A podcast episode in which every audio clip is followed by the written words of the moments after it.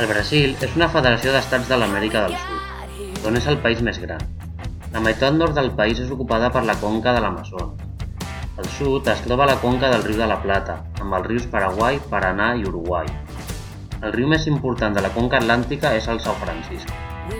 Al centre del país es troba en una zona d'antiplà, on destaca el Mato Grosso, i al sud i a l'est hi ha cadenes de muntanya.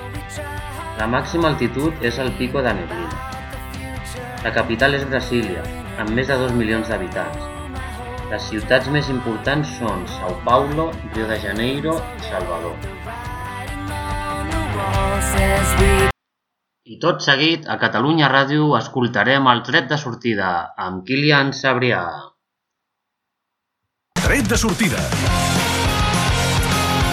Perquè avui es disputava una nova edició de la marató més ràpida de tot.